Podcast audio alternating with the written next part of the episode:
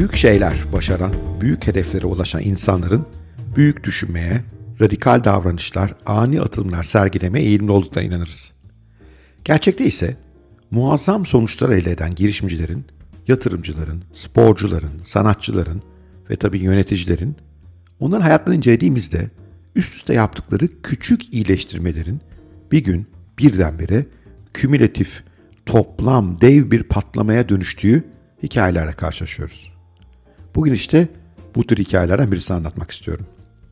Yüzde birlik iyileşmelerin inanılmaz gücüne kalben inanan, 2003 yılında performans yöneticiliğine getirildiği İngiliz ulusal bisiklet takımının kaderini kökten değiştiren David Brailsford'un hikayesini paylaşmak istiyorum bugün. Brailsford'un takımıyla yaptıklarından herkesin öğreneceği ve ilham alacağı çok şey var gerçekten. James Clear'ın Atomic Habits kitabından öğrendiğim bu müthiş hikayeyi sizlerle paylaşıyor. İyi dinlemeler diliyor. Daha sonra tabii ki soru ve yorumlarınızı bekliyorum. Bracewald'un takımının başına getirildiği dönemde İngiliz profesyonel bisikletçiler 100 yıla yakın varan karanlık bir dönemden geçiyorlardı. 1908 yılından bu yana İngiliz biniciler olimpiyat oyunlarında sadece bir altın madalya kazanmışlardı. Ve son 110 yıldır bisikletin en büyük yarışı olarak kabul edilen Tour de France yani Fransa turunda hiçbir İngiliz'in birinciliği yoktu. Durum o kadar vahimdi ki İngiliz bisiklet üreticileri markalarını kötü etkileyeceğini düşündükleri için İngiliz bisiklet takımına bisiklet satmaya reddediyorlardı o radde yani. Dave Brailsford'un takımın başına seçilme nedeni onun marjinal kazanımların toplamını adını verdiği yönetim stratejisinin Bisiklet Federasyonu yöneticilerine çok ilginç gelmesiydi. Brailsford, bisikletçilerin antrenman tekniklerinden beslenme şekillerine, bisikletlerin bakım süreçlerinden nakit yönetimlerine, e, affedersiniz nakil yönetimlerine, spor kafilesinin nerelerde konaklandığından konaklama sırasında kullanılacak yastıklara kadar her küçük detayda yapılacak küçük iyileştirmelerin sonunda büyük bir kümülatif faydaya dönüşeceğine inanıyordu. Bu temel felsefeyle yola çıkan David Brailsford ve tabi takımı hemen her detayda küçük iyileştirmeler yapmaya başladılar. İlk etapta girişilen yeniliklerin çoğu nispeten akla kolay gelecek fikirlerdi. Bisiklet seyirleri daha konforlu olacak şekilde yeniden tasarlandı. Bisiklete binenler bilirler bu büyük bir sorundur. Daha sonra bisiklet lastikleri alkolle sıvanarak yol tutuşları güçlendirildi. Bunu da iyi bisikletçiler zaten yapıyorlar. Daha sonra daha ilginç fikirler var. Bisikletçiler elektrikle ısıtılan şortlar giymeye başladılar. Bu sayede kaslarını sıcak tutarak performanslarını bir miktar artırdılar. Daha sonra sporcuların üzerine biyomedikal sensörler takıldı. Böylece performans bilgileri toplanarak sürekli iyileştirme önü açıldı. Ve en sonunda da çeşitli kumaş tipleriyle rüzgar tüneli testleri yaptılar ve rüzgar direnci en iyi olan, daha doğrusu rüzgar en az direnen hafif kumaçlar seçmeye başladılar. Burada biraz yenilik getirdiler sektöre. Ama Bracewold'un hayalleri ve stratejisi çok daha büyüktü açıkçası. Dolayısıyla bu yüzde birlik iyileştirmeleri gittikçe daha ilginç, kimsenin aklına gelmeyen alanlara yaymaya başladı. Hakikaten çok ilginç örnekler var. Mesela çeşitli masaj yerleri deneyerek yoğun yarışların sonunda sporcuların kaslarının kendini daha kolay onarmasını sağladı. Böyle bir jel buldu. Bir cerrah tuttular. Bu cerrah sporculara ellerini iyi yıkamayı öğretti. Neden? Böylece hastalık kapmaları ve performanslarının düşmesi engellendi. O kadar ileri gitti ki bir ara Bracefold, e, bisikletlerin taşındığı kamyonların içini beyaza boyayarak bisikletlerin performansını bozan toz taneciklerini bile tespit etmeye başladı. Daha da ileri gitti. Her sporcu için en uygun yastığı ve yatak takımını belirleyip bunun takımın gittiği turnuvalara bunların taşınmasını sağladı. Dedi ki eğer sporcularım gece rahat uyurlarsa gündüzleri daha iyi performans gösterdiler. James Clear Atomic Habits'te daha başka ilginç örnekler de veriyor ama burada bize aşar bunlar. Hakikaten her detay düşünmüş gerçekten direktör, sportif direktör. Peki bunca alanda yapılan küçük iyileştirmelerin sonucu oldu mu sonuçta? Değil mi? Sportif başarı ne alemdi? Evet, inanılmaz sonuçları oldu. Bracesport'un takımın başına geçmesinden 5 yıl sonra İngiliz bisiklet takımı Pekin'deki 2008 olimpiyat oyunlarında altın madalyaların, madalyaların yani bisiklet alanındaki altın madalyaların %60'ını kazandı. 4 yıl sonraki Londra Olimpiyat oyunlarında ise İngilizler 9 olimpiyat rekoru ve 7 dünya rekoru ile inanılmaz büyük bir başarı kazandılar. Aynı yıl Bradley Wiggins Fransa bisiklet turunu kazanan ilk İngiliz bisikletçi oldu. Böylece bu konudaki kötü tarihlerine yenmiş oldular. Ertesi yıl ise e, Wiggins'in takım arkadaşı Chris Froome yarışı kazandı.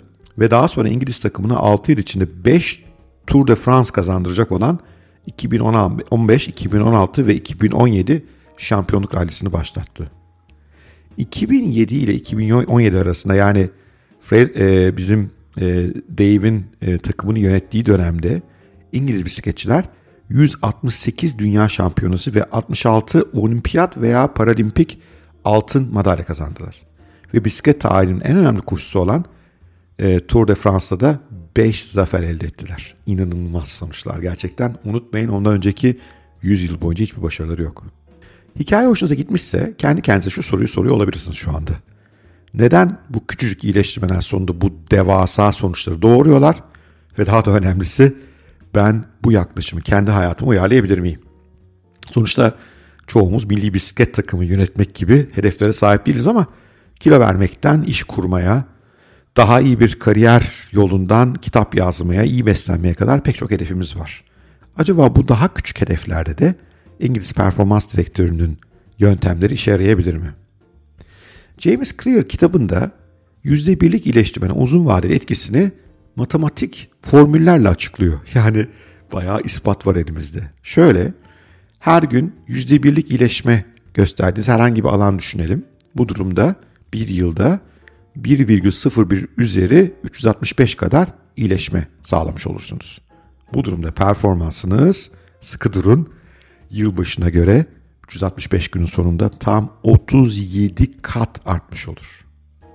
Tam tersine aynı konuda kendinizi her gün %1 oranında kötüleştirirseniz, tabii insan bunu niye yapar bilmiyorum ama yapıyoruz yani hepimizin kötü alışkanlıkları da var. Bu durumda şöyle e, bakmanız gerekiyor formüle 0,99 e, üzeri eksi 365. Bu durumda 365 günün sonunda performansınız ilk günkü performansın sadece %3'üne iner. Yani %97 oranında performans kaybedersiniz. Bu da neredeyse performansınız sıfırlanıyor demektir. Yani tabii bu formül hayatta her şey uygulanamaz. Her konuda %1 her gün iyileştirme yapılamaz. Ayrıca bir noktadan sonra bu %1 iyileştirme üstüne binerek 37 kat iyileşme de sağlayamazlar. Çünkü fiziksel sınırlamalarımız var. Mesela e, mevcut bir durumda, şu andaki durumda bir metre yükseğe sıçrayabilen bir basketbolcu sıçrama becerisini her gün %1 iyileştirerek yıl sonunda 37 kat daha iyi sıçrayamaz. Bu işlemez. Çünkü en azından dünyamızın yer çekimli ortamında 37 metre sıçrayabilen bir insan fiziksel olarak mümkün değil. Ama şurası garantili. Bir basketbolcu her gün daha yükseğe sıçramak için küçük iyileşmeler yaparsa yıl sonunda mutlaka yılbaşınınkinden daha yükseklere sıçramanın yollarını bulur. Gayet mantıklı öyle değil mi? Ama bu yöntem zor. Küçük iyileştirmenin kümülatif etkisi hem matematik formülle hem de Dave Brailsford gibi ilham verici hikayelerle sabit. Lakin uygulaması hakikaten zor. Zorluk bu tip değişimleri bulmak, bu fikirleri bulmak veya hayata geçirmek değil.